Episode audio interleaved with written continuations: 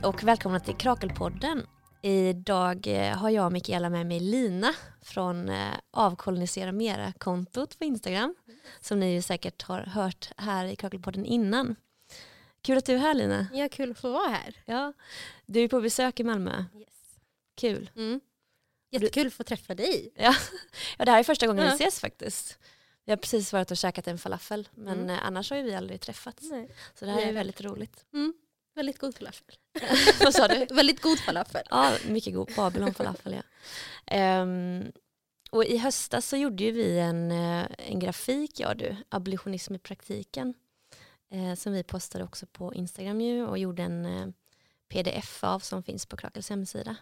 Och tanken var ju alltid att vi också skulle göra ett poddavsnitt kring detta. Eh, så nu när du var på besök i Malmö så passade vi på att göra det. Mm. Och jag tänker det är jättenice att göra det nu också lite tid efter för då har man så här hunnit samla in Ja, också lite vad har dykt upp, vad frågar folk om, Mm. vad vill vi liksom förklara vidare och så. Mm. Eh, så jättekul att få göra det idag. Jag måste bara också säga, du är väldigt generös när du säger vi. För du verkligen drog ett väldigt stort lass med den, med den eh, Du kommer ja, med jätte, jättemycket kunskaper och erfarenheter och det ska vi föra mer om idag ju. Men tack. Ehm, ja, så idag ska vi prata om abolitionism eh, och gå igenom ja, men vad det är, vad det är för rörelse. Vi kommer prata om polisen, fängelsesystem ehm, och sen såklart också vad är alternativen? Hur kan vi bygga en alternativ värld och hur ser den ut? Och vilka är metoderna i den här rörelsen? Eh, vilka kan vi använda i svensk kontext? Mm. Ehm, så det ska bli jättekul att få höra mer om, om dina kunskaper och erfarenheter också kring Detsamma. det här. Mm. Mm. Verkligen. Men vi sätter väl igång med eh, kort om abolitionism. Mm. Ehm, vad är det? Vad är, vad är det för rörelse? Ja, jag har ju förberett någonting här. Mm. Ehm, så liksom en, ba en bakgrund. Eh, ja, så själva ordet abolitionism kommer från engelskans to abolish, alltså att Mm. avskaffa. Mm. Ehm, så i den tradition som är nedärvd liksom från antislaverirörelsen eh, på amerikanska kontinenten så pratar man oftast om att det man vill avskaffa är poliser och fängelser. Och, ehm, så i den amerikanska konstitutionen, alltså deras ehm, USAs grundlagstext, eh, så finns det en rad tillägg, så kallade eh, amendments. Ehm, och då är det det här trettonde tillägget, ehm, the 13th amendment, eh, som konstaterar att slaveri är olagligt. Det. Ehm, men det finns också ett stort men, för i texten så står nämligen att slaveri inte får existera i USA och dess territorier förutom som straff för i domstol dömda fångar. Okej, Så det finns det här tillägget i liksom själva lagtexten. ja, det är därför den dokumentären heter också, just Okej, det. Ja, Trettonde tillägget. och den har inte jag sett faktiskt. Men, Det var en ja. jättebra genomgång av eh, bara USAs Ja. eh, historia. Tog de upp det här då? Ja, det garanterat. Mm, mm, ja, mm. det var många år sedan jag såg Mm. den. Men ja. Ehm, så, ja, så I kontexten av Mm. USA så finns det en jättestark koppling mellan liksom slaveriets avskaffande Mm. och eh, liksom fängelsesystemets uppkomst. Ehm, och ja, Ruth Wilson Gilmore, jag tror att det är i boken Golden Gulag som hon skriver det här, att eh, fängelsesystemet utvecklades i takt med att svarta fick rättigheter. Mm. Så ju mer frihet och självbestämmande rätt eh, som lagen gav svarta, desto större blev också fängelsesystemet. Just det. Så att det liksom finns den här äh, dynamiken där. Och det förklarar också då varför det finns en sån himla stark tradition kring abolitionism Mm. som är det här att det fortsätter från antislaverirörelsen. Liksom. Ehm, och så, jag ska också tillägga, det, en fras som ofta hörs är PIC abolition. Mhm. Ehm, och PIC står för Prison Industrial Complex. Just så att eh, när man hör liksom, vad betyder abolitionism så kan man prata liksom, polis i fängelser, men man kan också prata om det som en så här, a complex, liksom en, en, en mycket större, nå- något mycket större. Och då, det breddar visionen lite grann om att avskaffa polisen och fängelser till att innefatta alla sätt som staten och kapitalet samverkar eh, för att skydda sina intressen Ja. genom polisiär kontroll, övervakning och förvar. Ja. Och en del av det här Prison Industrial Complex är väl också att man använder eh, intagna eh, för att producera och tillverka Mm. varor helt enkelt Mm. för kapitalet. Mm.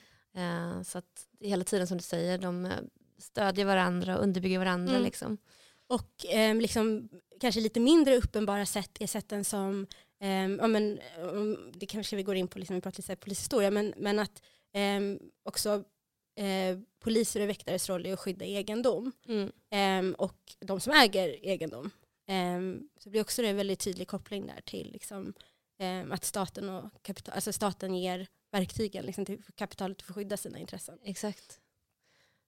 Bra, bra genomgång. Eh, och om man tittar på abolitionism idag, eh, har vi några, vad skulle du säga är liksom de främ, främsta koncepten eller metoderna? Eller har du någon sån idé om vad, du, Mm. vad är det för dig? Liksom? Ja, alltså det, är- det är hela tiden centralt kring det här med att, att eh, avskaffa polisen och fängelser och, Mm. och de system som är runt om. Ehm, men ehm, igen tror jag, nej men, eh, det finns en eh, grupp som heter eh, Critical Resistance som också är ett jättebra tips för folk som vill se hur abolitionister organiserar sig. Eh, men en av skaparna, eh, Rachel, Her, eh, Rachel Hern- Hersing heter hon. Ehm, hon formulerar eh, abolitionism som lika mycket det man vill skapa som det man vill eliminera. Det finns det. olika abolitionister som har sagt det på olika sätt. Ehm, men det är verkligen fastnar jag för, för att ehm, det blir visionärt då. Det handlar liksom om vad du vill se. Så att den eh, abolitionism som, som jag kanske lär mig mycket från, för det finns ju olika strömningar egentligen, jag vill inte Mm. prata om det som en, en enkel grej, eh, men det är mycket kring just det här med communityskapande och eh, att skapa community som är starka nog för att kunna eh, tillgodose allas behov, eh, grundläggande behov liksom, av trygghet. Eh, det, är liksom, det, är väldigt, det är en väldigt stor vision, för det är mat, det är liksom skönhet, Mm. liksom njutning, alltså alla de här saker som vi em, har rätt till. Så tänker jag också kring det. Och jag tror det var också återigen Ruth Wilson Gilmore som sa att också. abolition is about presence not absence. Det tycker jag också är väldigt vi bra, mm. exakt, bra sammanfattning av att det handlar också om att skapa närvaro, inte frånvaro av eh, kontakt, Mm. med medmänsklighet och så Mm. vidare. Eh, utan eh, en närvaro.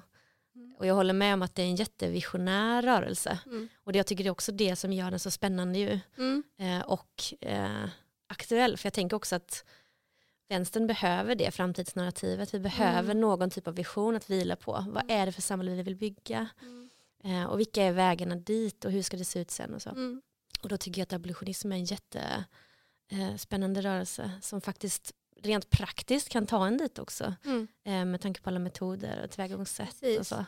Vad har du, Eh. har du, finns det saker som du har fastnat för? Ja, men det är lite som du säger. Det visionära eh, och såklart community building, alltså grannsamverkan överlag. Eh, förståelsen för att om vi känner varandra där vi bor eh, så skapar det en väldigt, väldigt stor trygghet. Liksom.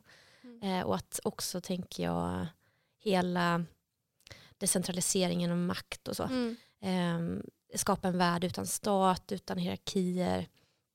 Eh, där också människor själva kan bygga det samhälle de vill ha. De, Mm. de, de vet bäst. Liksom. Eh, man behöver inte någon, eh, någon formell makt för att eh, skapa det, den typen av Mm. visionära samhällen. Mm. Eh, så ja. Och sen såklart som du är inne på, för mig handlar det också jättemycket om den här straffande kulturen som vi ändå Mm. har idag.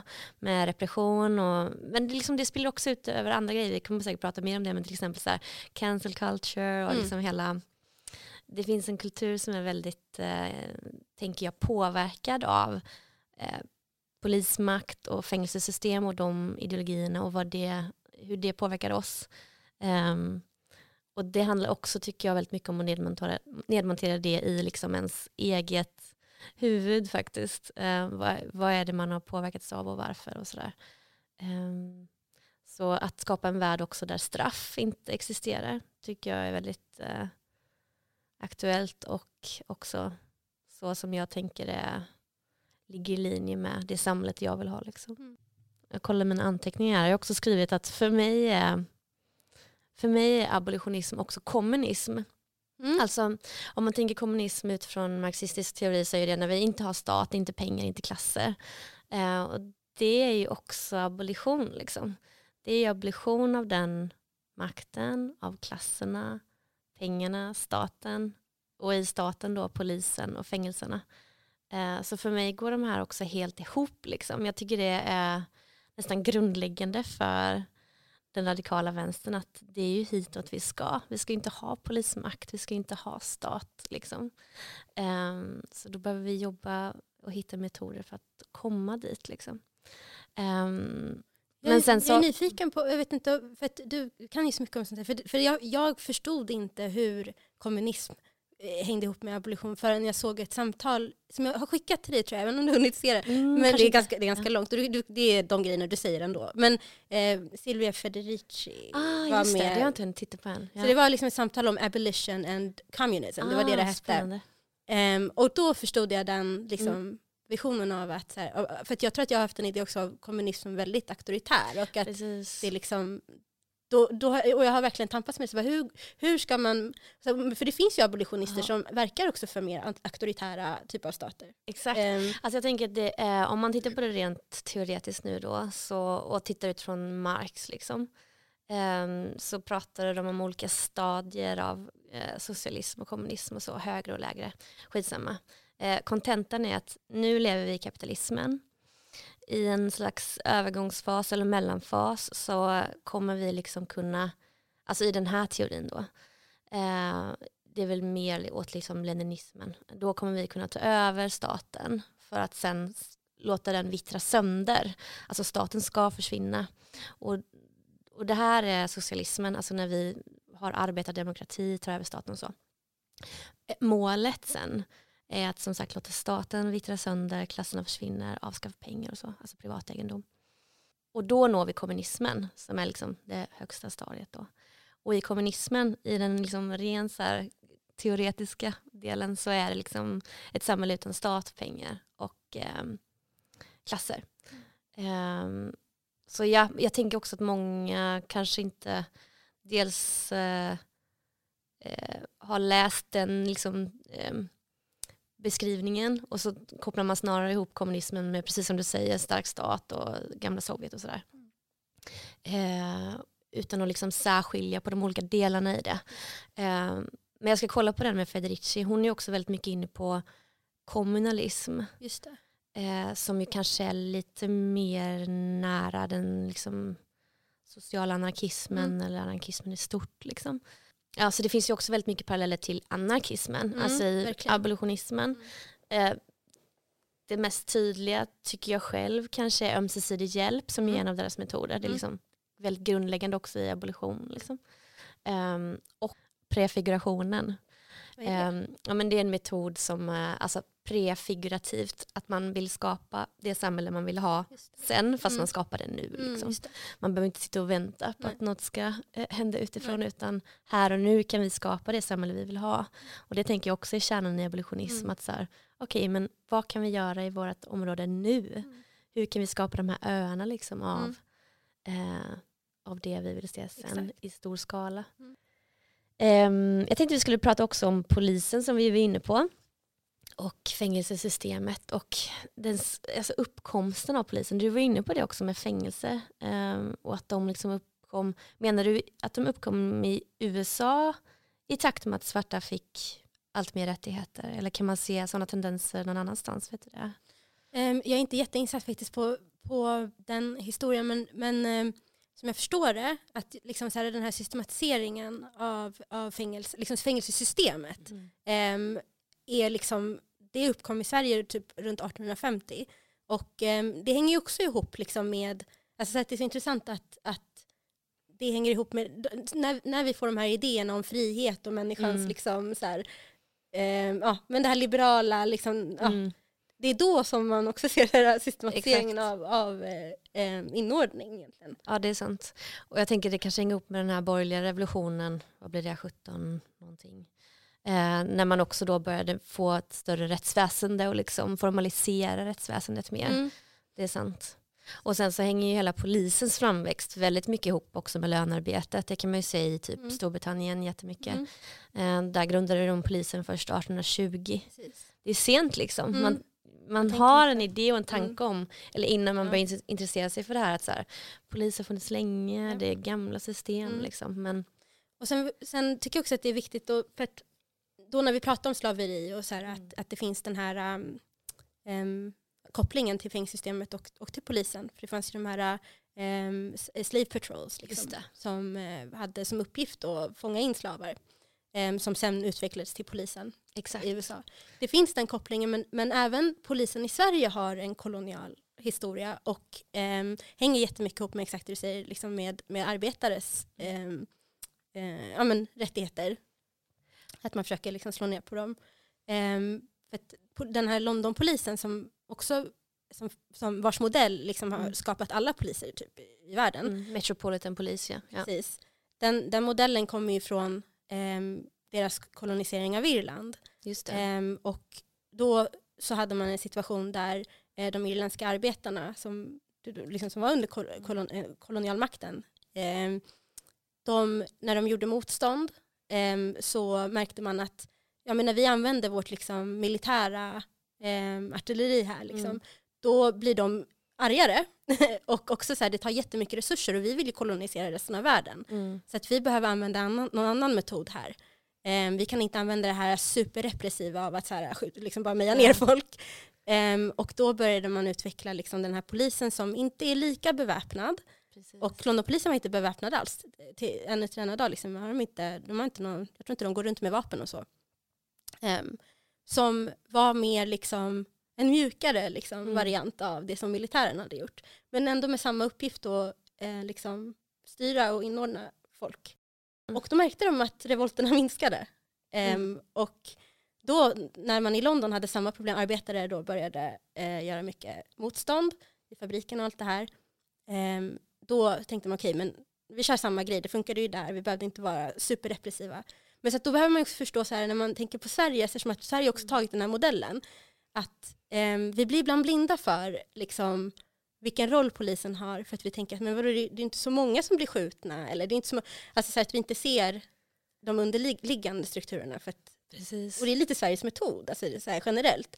Ett jätteutvecklat, liksom, till exempel socialen har ju också, om vi tänker på PIC då, så här, eh, eh, Police Industrial Complex, mm. eh, så är ju det en mycket större, eller Prison Industrial Complex, är det en mycket större liksom, struktur. Det är inte bara de här fysiska fängelserna utan det är också allting staten gör för att styra. Så att, att vi till exempel omhändertar flest barn per capita typ i världen och jätteutvecklade liksom, de här SIS-hemmen. Och, och vi, alltså, här, vi måste förstå även det som en, en del av det här äh, mjuka sättet att kontrollera.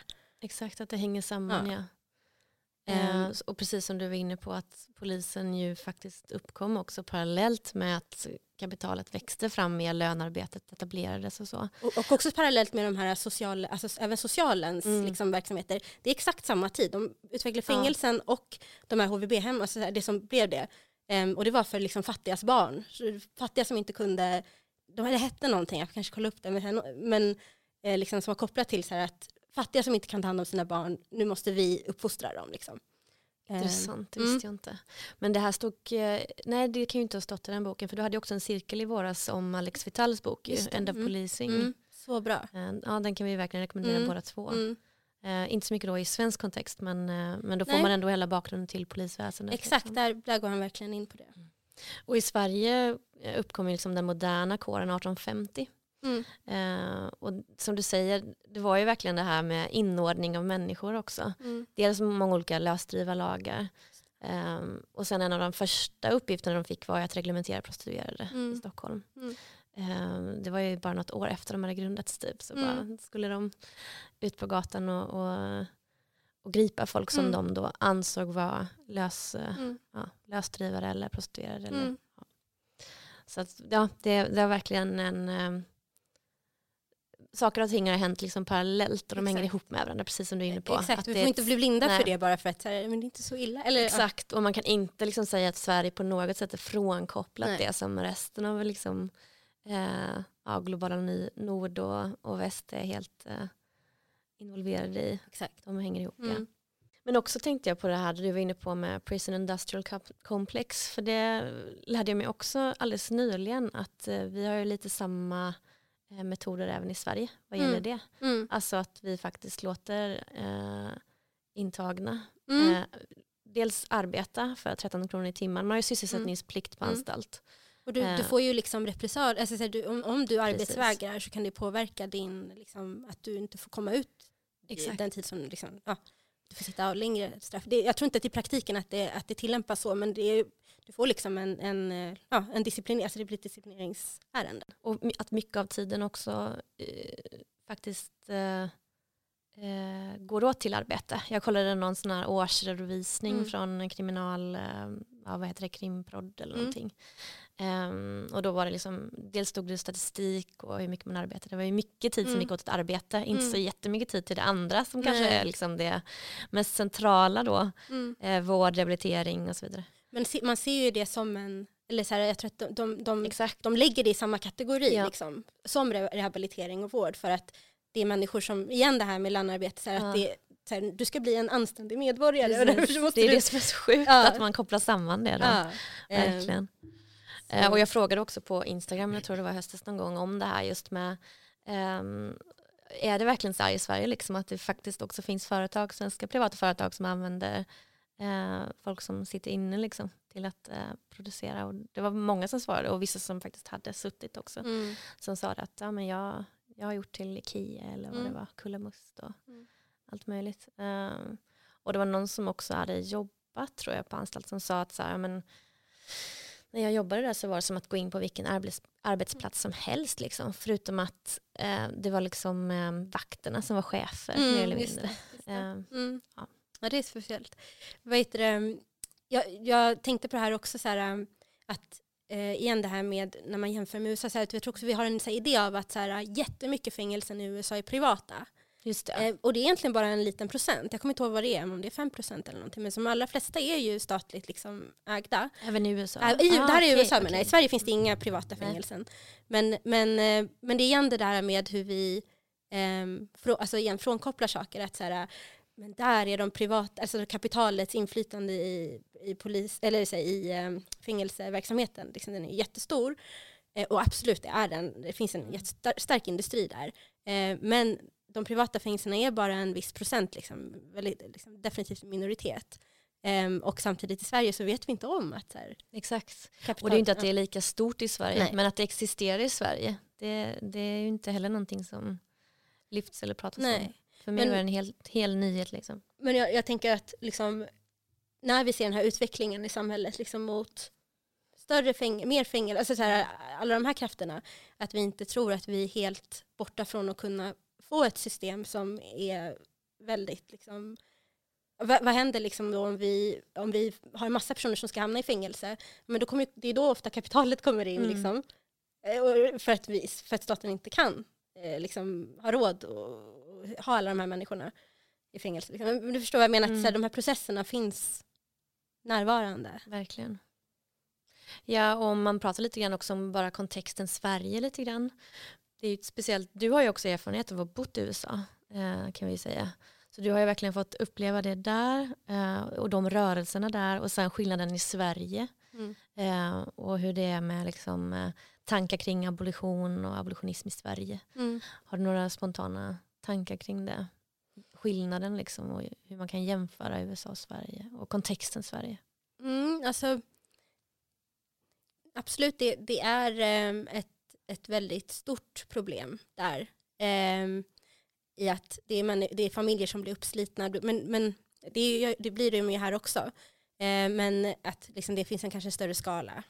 Eh, och eh, det, det är väl egentligen mest det som jag tycker skillnaden är så här skalan. Och, och- men också en, en skillnad är att i USA så har de mer av en röst för att det finns mer eh, folk utan, liksom utanför fängelset organiserar mycket mer. Till exempel på, på skolan jag gick, gick på så hade vi ett eh, brevprogram, typ så här, där man, för att eh, staten jag bodde i, i Pennsylvania, de har flest ungdomar som sitter inne på livstid i hela USA. Um, ehm, och um, det är liksom 15-åringar som har gjort någonting som de sitter inne hela livet för. Um, och då hade vi ett så här brevväxlarprogram eh, på, på mitt universitet. Så, här, så att, det finns en mycket större sån kontakt, alltså så här, mer förmänskligande typ. Ehm, och i Sverige så på sista tiden i alla fall så finns det inte jättemycket rörelse kring liksom, och som i alla fall är allmänt tillgänglig. Nej, verkligen. Ehm, vem bryr sig om vilka som sitter inne liksom? Det är sant. Och hela liksom idén med abolitionism känns inte heller så enkel liksom att eh, etablera eller opinionsbilda kring. Nej. Ehm, och det tänker jag också eh, ja, men kring Sveriges historia liksom, och vår kontext. Dels att vi har en väldigt stark koppling till olika högerextrema rörelser och så. Vi är ju liksom mer auktoritär på, den, på det sättet än de andra nordiska länderna mm. också. Mm. Eh, men också hela välfärdsstaten tänker jag kanske mm.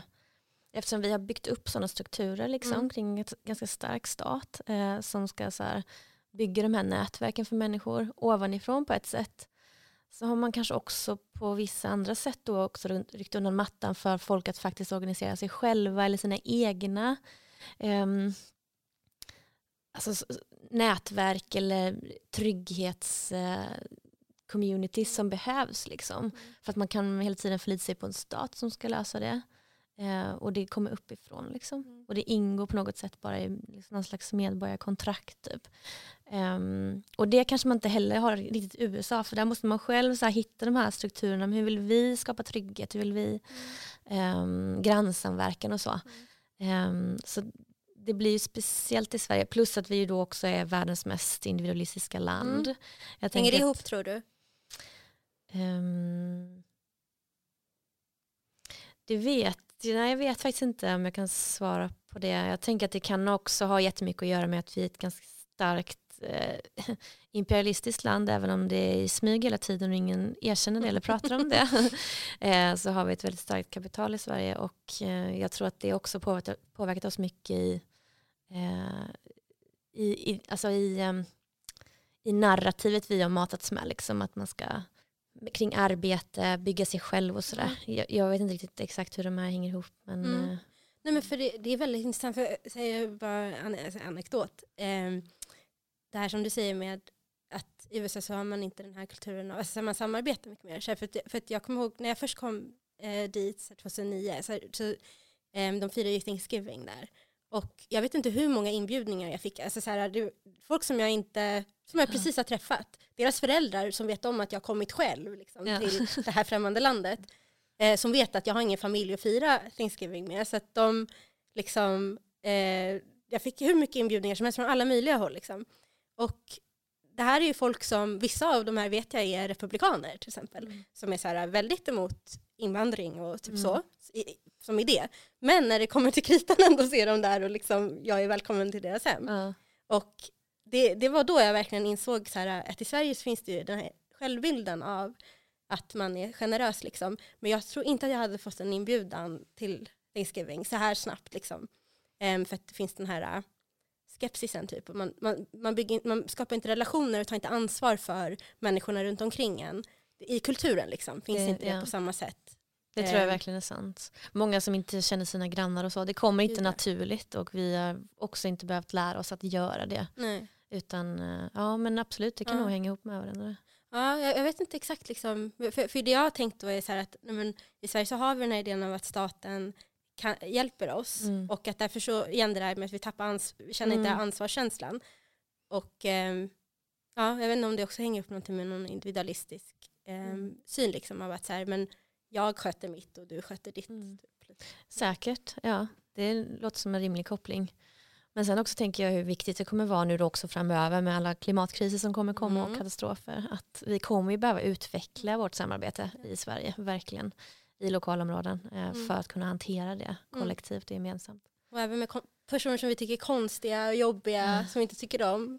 Verkligen, verkligen. det är liksom, vi behöver lära oss färdigheterna för att... Exakt. För att Ja, vi kommer in mer på det mm. sen mm. också kring ehm, ja, men de faktiska, du har ju gått en kurs till exempel i konflikthantering, mm. eller hur man mm. kan hantera det och så. Um, så vi kommer in på det sen. Uh, jag har också en paragraf här som heter samhällsklimatet idag. Brott och straff, lag och ordning, politik. Mm. Uh, vi har varit inne på det innan. Men idag är det också, jag tänker att det är också därför det är så otroligt viktigt att försöka uh, bygga sådana här rörelser och opinionsbilda kring det här för att det är ingen annan som gör det. Hela mm. den politiska skalan idag vill ha mer repression, fler poliser. Så. Uh, det behövs någon motvikt till det och man behöver höra något annat narrativ. Eh, för idag har vi liksom som sagt alla, alla vill att polisen ska ha mer personal, mer resurser och de får ju också mer befogenheter. Mm. Eh, det ligger ju ett 34-punktsprogram nu. Som eh, kanske genomförs då nästa år tror jag det. Mm. som ju innebär mycket, mycket större befogenheter för polisen i avlyssning, husrannsakan. Mm. Det, det Ja. känns som att det är varje dag typ. Det är Någonting. varje dag någonting ja, och det är Mm. typ nästan det enda de pratar om. Igår Mm, kväll var det ju en agenda-debatt om, om gängkriminalitet. Du såg del av den? En kvart bara, sen Mm. stängde jag ja, nej jag orkar inte. Jag har hört alla grejerna. Mm. Ehm, men det här tänker jag också kopplar an väldigt mycket till det som man kan kalla för carceral, carceral feminism eller fängelsefeminism. Mm. Det hade vi också en punkt om på Mm. vår lista. Mm. Ehm, har du några tankar kring det? Ehm, Åh gud, så många så många öppna Ja, frågor. ja, nej, också- kan du prata Ja, om nej, det men det är också så här, de grejerna som du sitter Ja. och tänker på varje dag. Berätta. Men eh, men jag, jag, jag, jag vet ju vad jag tycker, eller liksom hur jag tänker, men jag vet inte hur mycket, så mycket om hur du tänker. Ehm, nej men vi, som vi skrev i vår, på vår grafik eller på vår lapp eh, så är det här också en del av det tänker jag. Alltså att vi, ehm, vi lever i en straffande kultur och det är också den första liksom, metoden och lösningen vi har för att komma vidare. Eh, att spärra in folk. Eh, och det präglar också den feministiska rörelsen i mångt och mycket. Mm. Vilket jag också tycker är så jävla tråkigt. Liksom. Mm. Eh, och där vill jag också försöka ehm, hitta motvikt eller bygga, bygga ett annat narrativ eh, Mm. och hitta andra lösningar. Mm. Eh, och särskilt då om man också tänker på den visionära delen. Om vi nu ska ha ett samhälle utan straff, vad ska vi göra istället? Mm, Hur hade det mm. kunnat se ut istället Mm. om vi inte fick straffa varandra Mm. utan enbart vårda och läka relationer och så. För jag tänker att den här repressionen man ser den spiller liksom över i alla olika Mm. eh, samhälls, eh, samhällssamtal. Mm. Liksom. Eh, och sen så är det också, tycker jag, bara en motsättning som inte går ihop alltså i en feministisk rörelse. då. Eh, den, den kan ju inte för mig vara liksom dekolonial eller antirasistisk om den samtidigt då vill kräva mer liksom befogenheter till polisen, längre straff, hårdare tag. Det, det är en motsättning som inte går ihop helt enkelt. Eh, särskilt med tanke på allt vi gick igenom förut. Mm. Så där tänker jag också att det är viktigt att eh, komma med en, annan berättelse eller Mm. med alternativ helt enkelt. Du vet säkert bättre än jag eh, kring så här feminismens, eh, feminismen, eh, liksom specifikt den här feminism som är eh, liksom väldigt dominerande i Sverige eh, upplever jag liksom har den här, eh, de här rötterna i just den här perioden som vi pratar om med Mm. fängelseuppkomst och allt det här. Alltså där mitten av 1800-talet så är det ju med att ehm, ja, men man, man börjar prata mer och mer om, om kvinnors liksom, ja, men rösträtt och allt det här.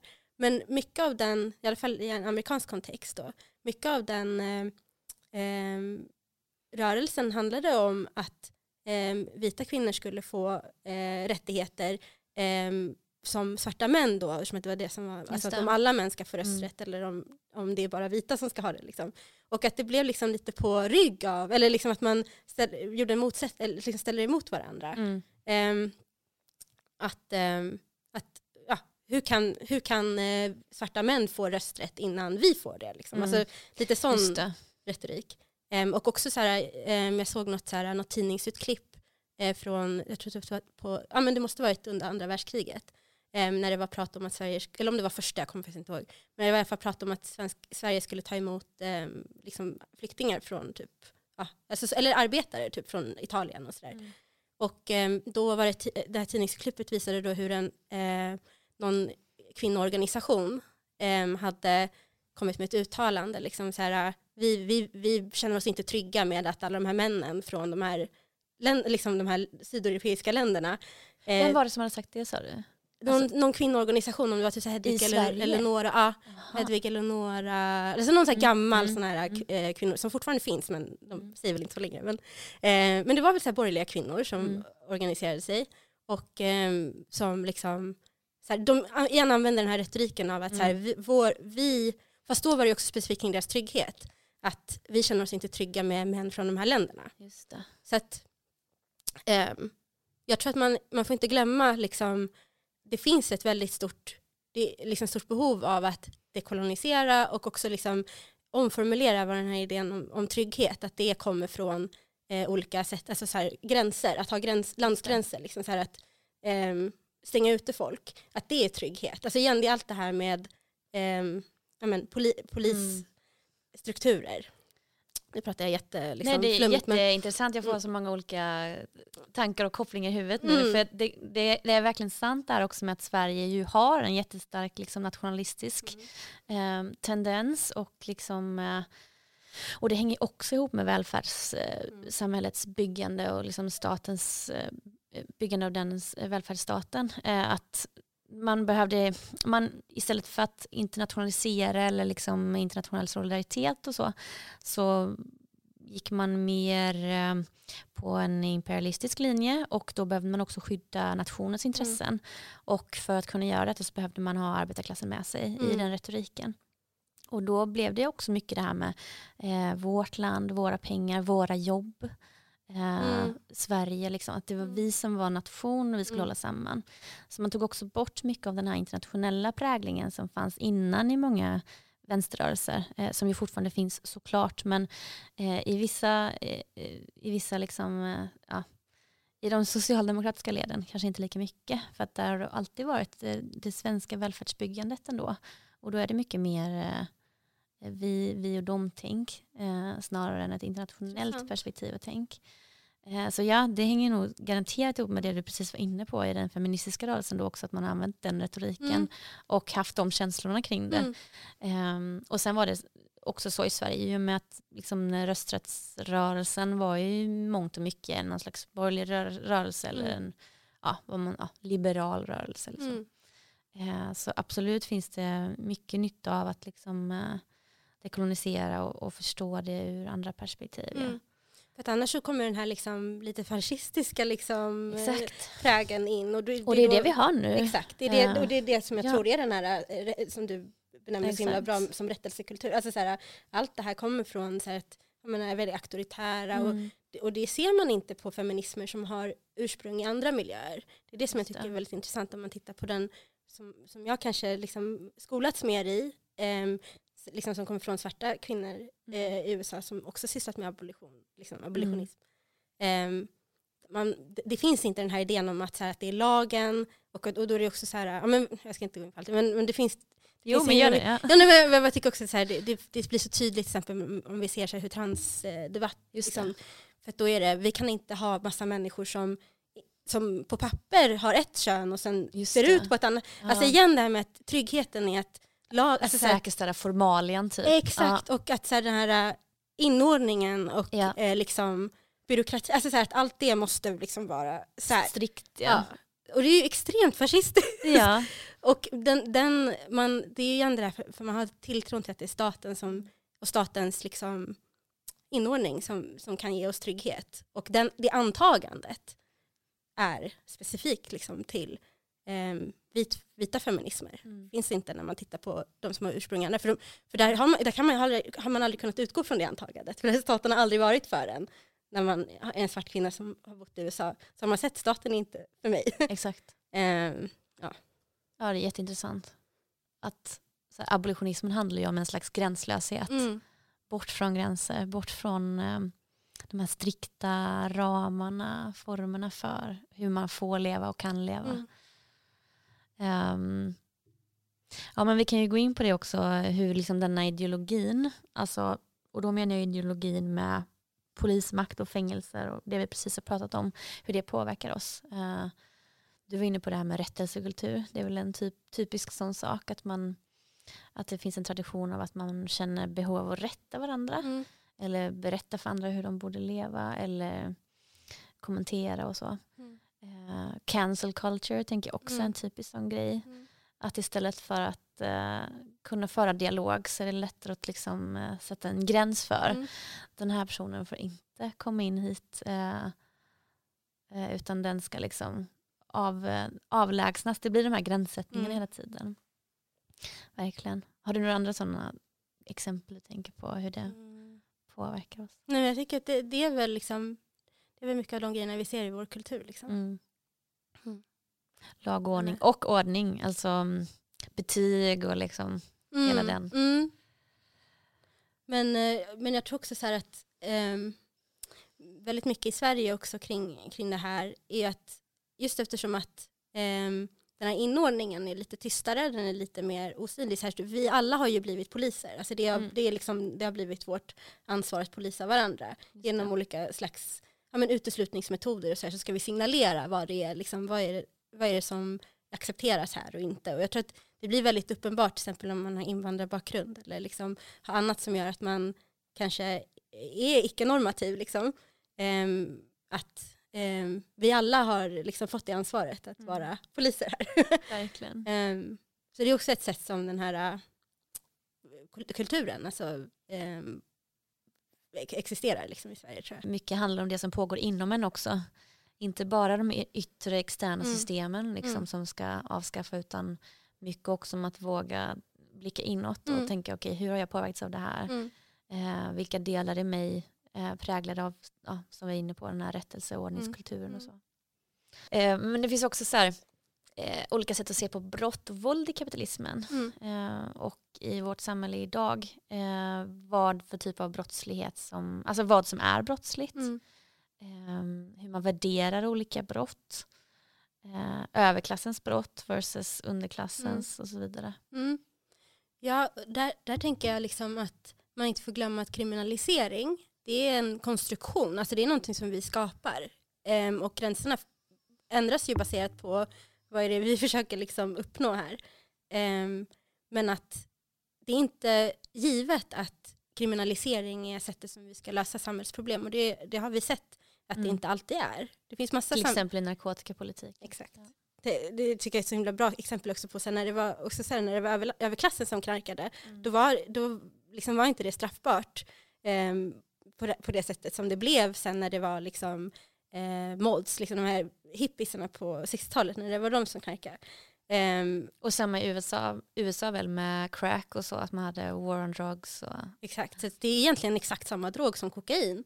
Eh, bara det att det är fattiga svarta som använder crack, kokain och Den är billigare. Ja, för att den är billigare. Eh, men om man tittar på straffskalorna för eh, crack kokain och kokain så är det jättestora skillnader. Och, ja, ehm, så att det finns den här idén av att, eh, ja, men att kriminalisering fyller en viss funktion. Mm. Och det är att liksom, inordna ehm, och liksom, Incarcerate liksom. Ja. precis ehm, arbetarklassen. Och de, Och, Bedömda. sen, ja, och för att sen också få arbetskraft. Ja.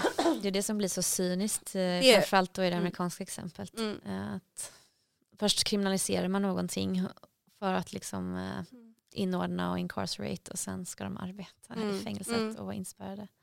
Till exempel så var det ju du, brand, brandmännen i eh, liksom bränderna, i- det är ju massa Just bränder det, i ja. Kalifornien.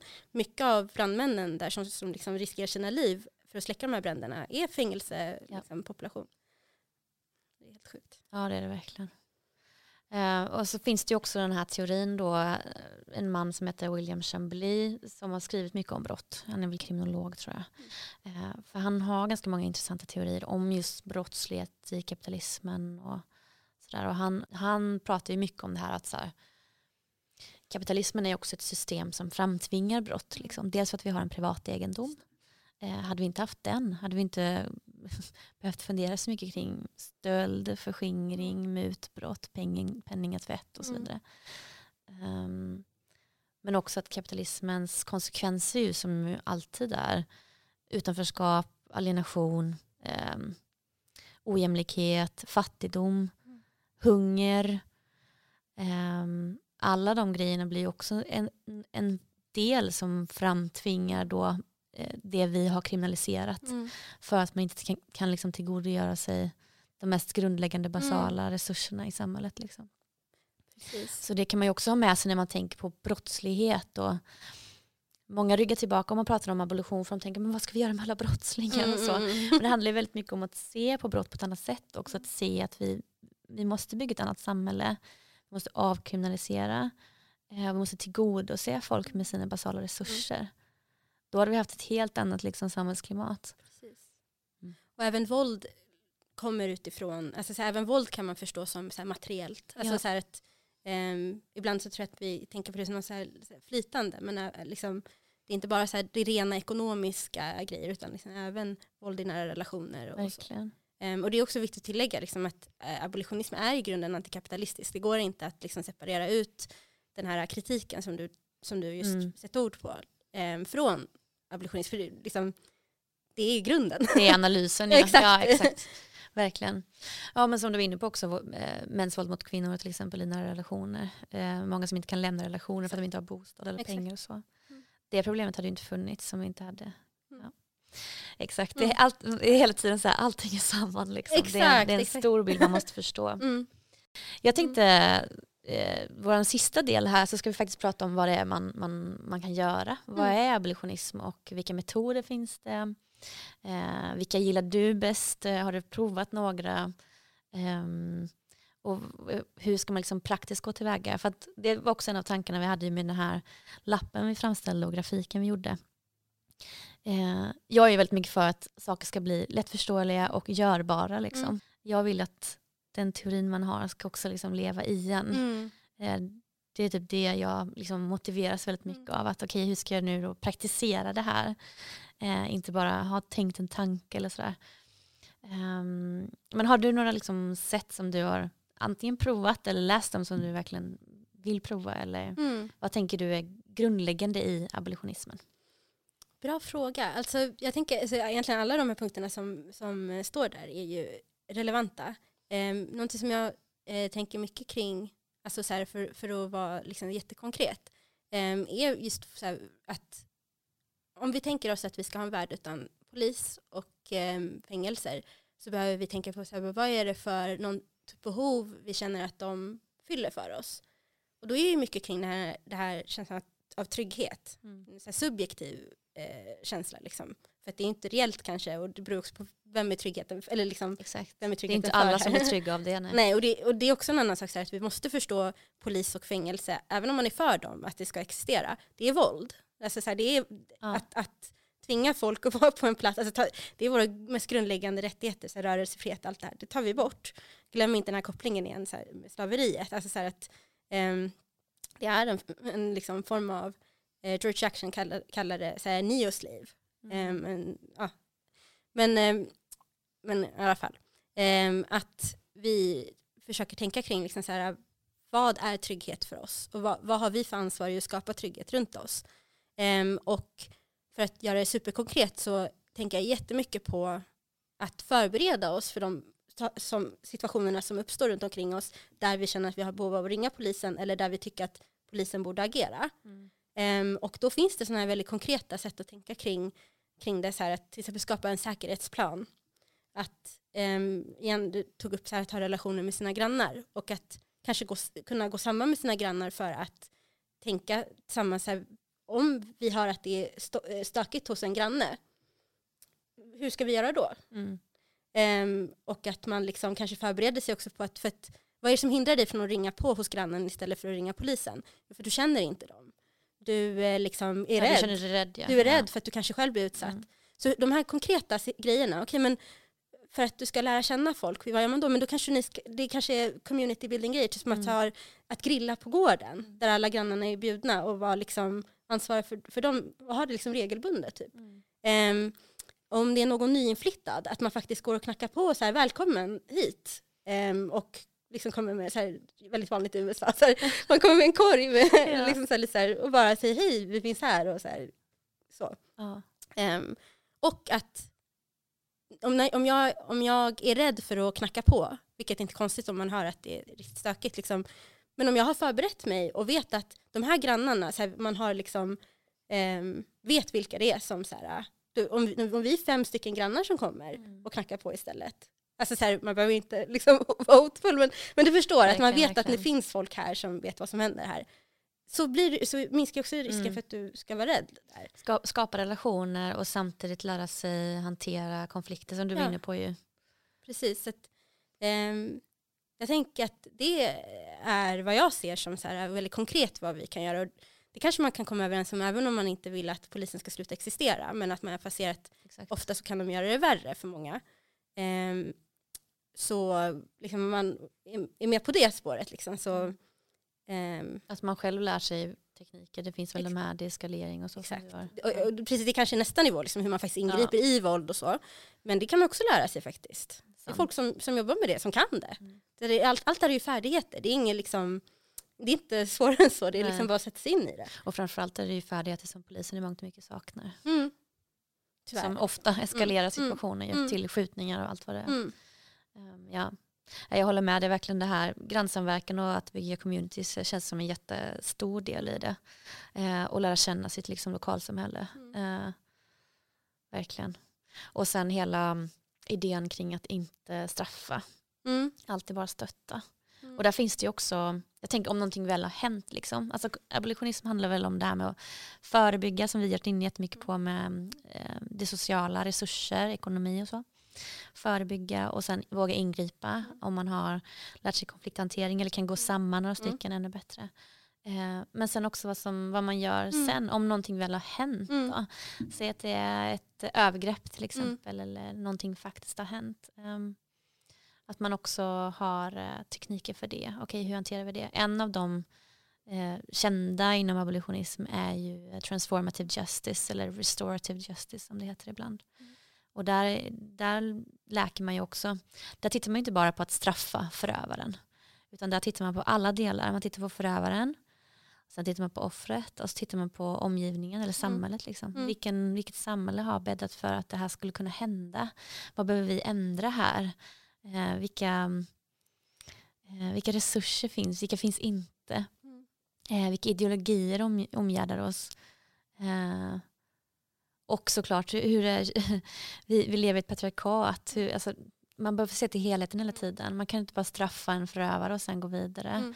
Ehm, och sen våga verkligen ställa sig frågan om vi nu inte straffar förövaren, vad gör vi istället? Mm. Liksom? Mm. Jag tror att det är det som provocerar ibland också. Att Mm. man, eh, man kanske inte riktigt eh, ser de alternativen riktigt, hur det skulle gå till. Mm. Så att eh, det känns kanske obekvämt också att tänka att eh, eh, vad ska vi inte göra om, man inte, om den inte är bakom lås och bom? Liksom. Mm. Ja, alltså det här är egentligen kanske ett, ett annat poddavsnitt, för det, det är också så himla rikt. Liksom. Men, men jag uppskattar att du liksom tar upp de här bitarna och också så här, ehm, att det finns ett skäl också till att vi inte straff, bör straffa. Alltså så här att, ehm, dels för att det hänger ihop med alla de här strukturerna, dels för att det funkar inte. Och en annan sak som jag tycker man kanske inte alltid pratar om, att det är en sån himla så här, falsk trygghet. För att vi känner att vi har gjort någonting Mm. när vi liksom ut, utmätte ett straff, eller tillmätte vad det nu heter, ett straff. Ehm, men vi har inte gjort någonting reellt för att förhindra att det kommer hända igen.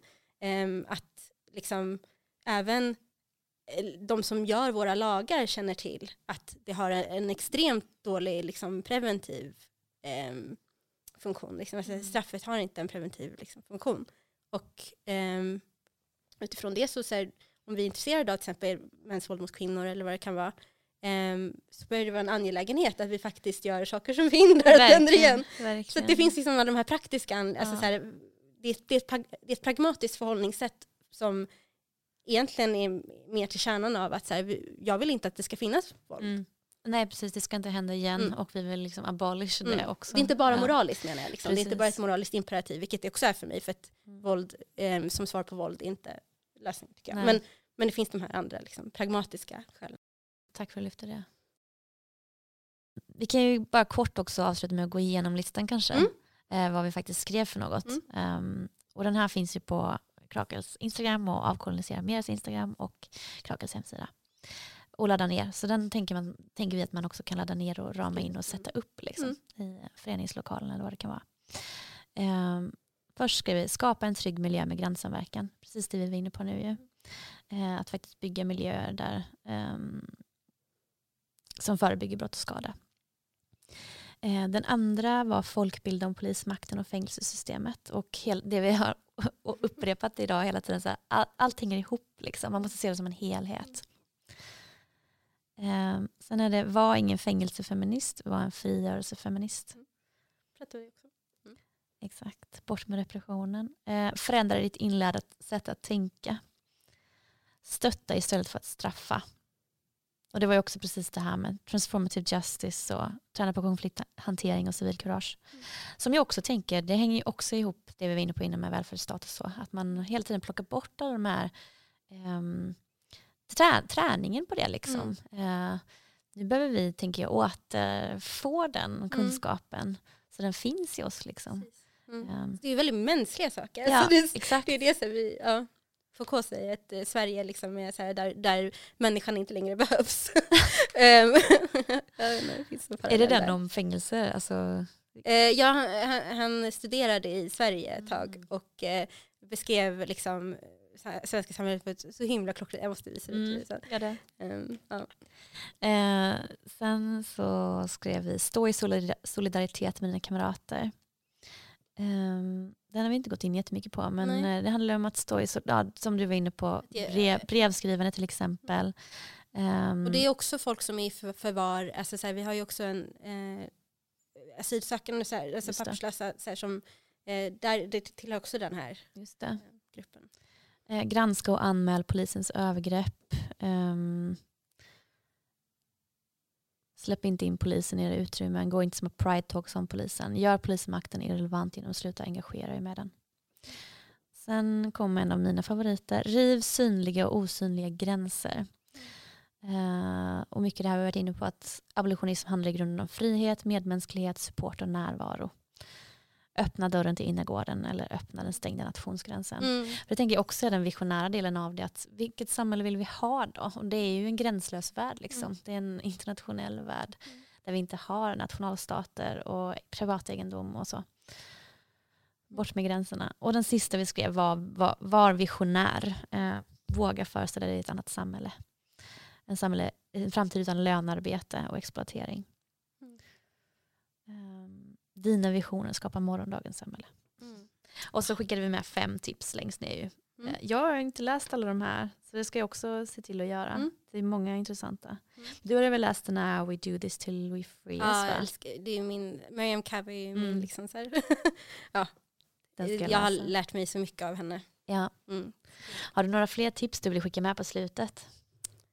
Ehm, ah, det, det finns så himla mycket alltså. men, men jag tycker att bra ställe att börja är Mariam Kaba.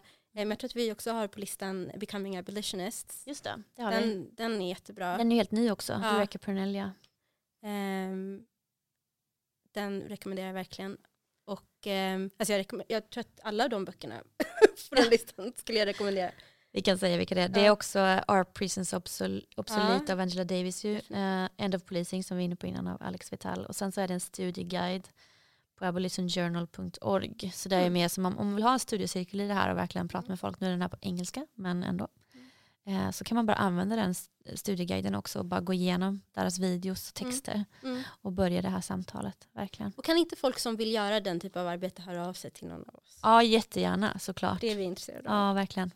Det vore kul att, att få igång mer samtal sam- kring ja, det här. Precis, så att fler som vill liksom Ja. göra det här. Det känns som att det ändå har dykt upp ganska mycket kring abolitionism nu senaste året, Mm. typ. Åren två kanske. Mm. Eh, om man tittar på, um, jag tror det är Manna nu också som ju har ett Ja, temanummer. det ser jag jättemycket Ja, fram emot att läsa. Mm. temanummer av abolitionism kommer snart tror jag. Ehm, Det är ju efter såg- 2020 egentligen, Ja, där är i hela världen. Ja. Men, eh, men det har ju också blivit, jag tycker att det bara ökar mer och mer i Mm. Sverige. Alltså, Mm, exakt, det är jättespännande. Mm. Eh, och sen så kom ju också över, jag tror det var ett svenskt Instagram- Instagramkonto som gjorde um, fanzine om abolitionism. Mm. Jag tror det. Jag ska kolla vad det var för Mm. någonting. Det måste nog vara svenskt. Mm. Ja. Och jag vill också skicka med såklart, Lina har ju varit med i podden innan, eh, ett samtal eh, i våras när vi hade vår temavecka om polisen. Mm. Jag tror den heter Vår trygghet bortom polisen va? Ja. Mm. Som du samtalade med Miriam. Så det kan man ju också lyssna på om man vill ha ännu mer, ännu mer av Lina eh, med dina fantastiska eh, välformulerade in, inblickar i abolitionism.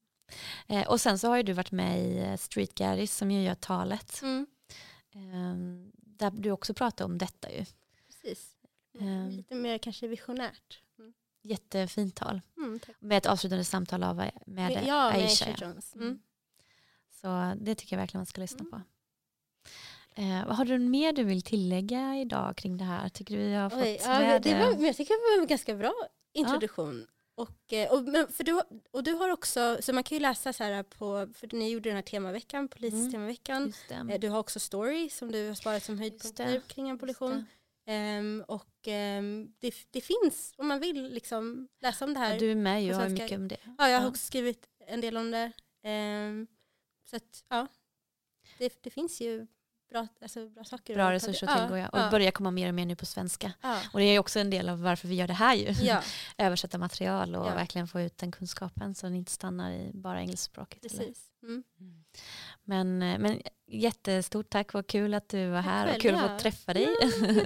Ja, Eh, och verkligen eh, tack för att du var med och Ja, vi kunde Mikaela. få ihop det Mm. här. Eh, och tack till er som har lyssnat. Ni får jättegärna kommentera eller ställa frågor så kommer någon av oss två att svara och prata vidare mer om det. Gärna. Tack så jättemycket. Tack. Hej då.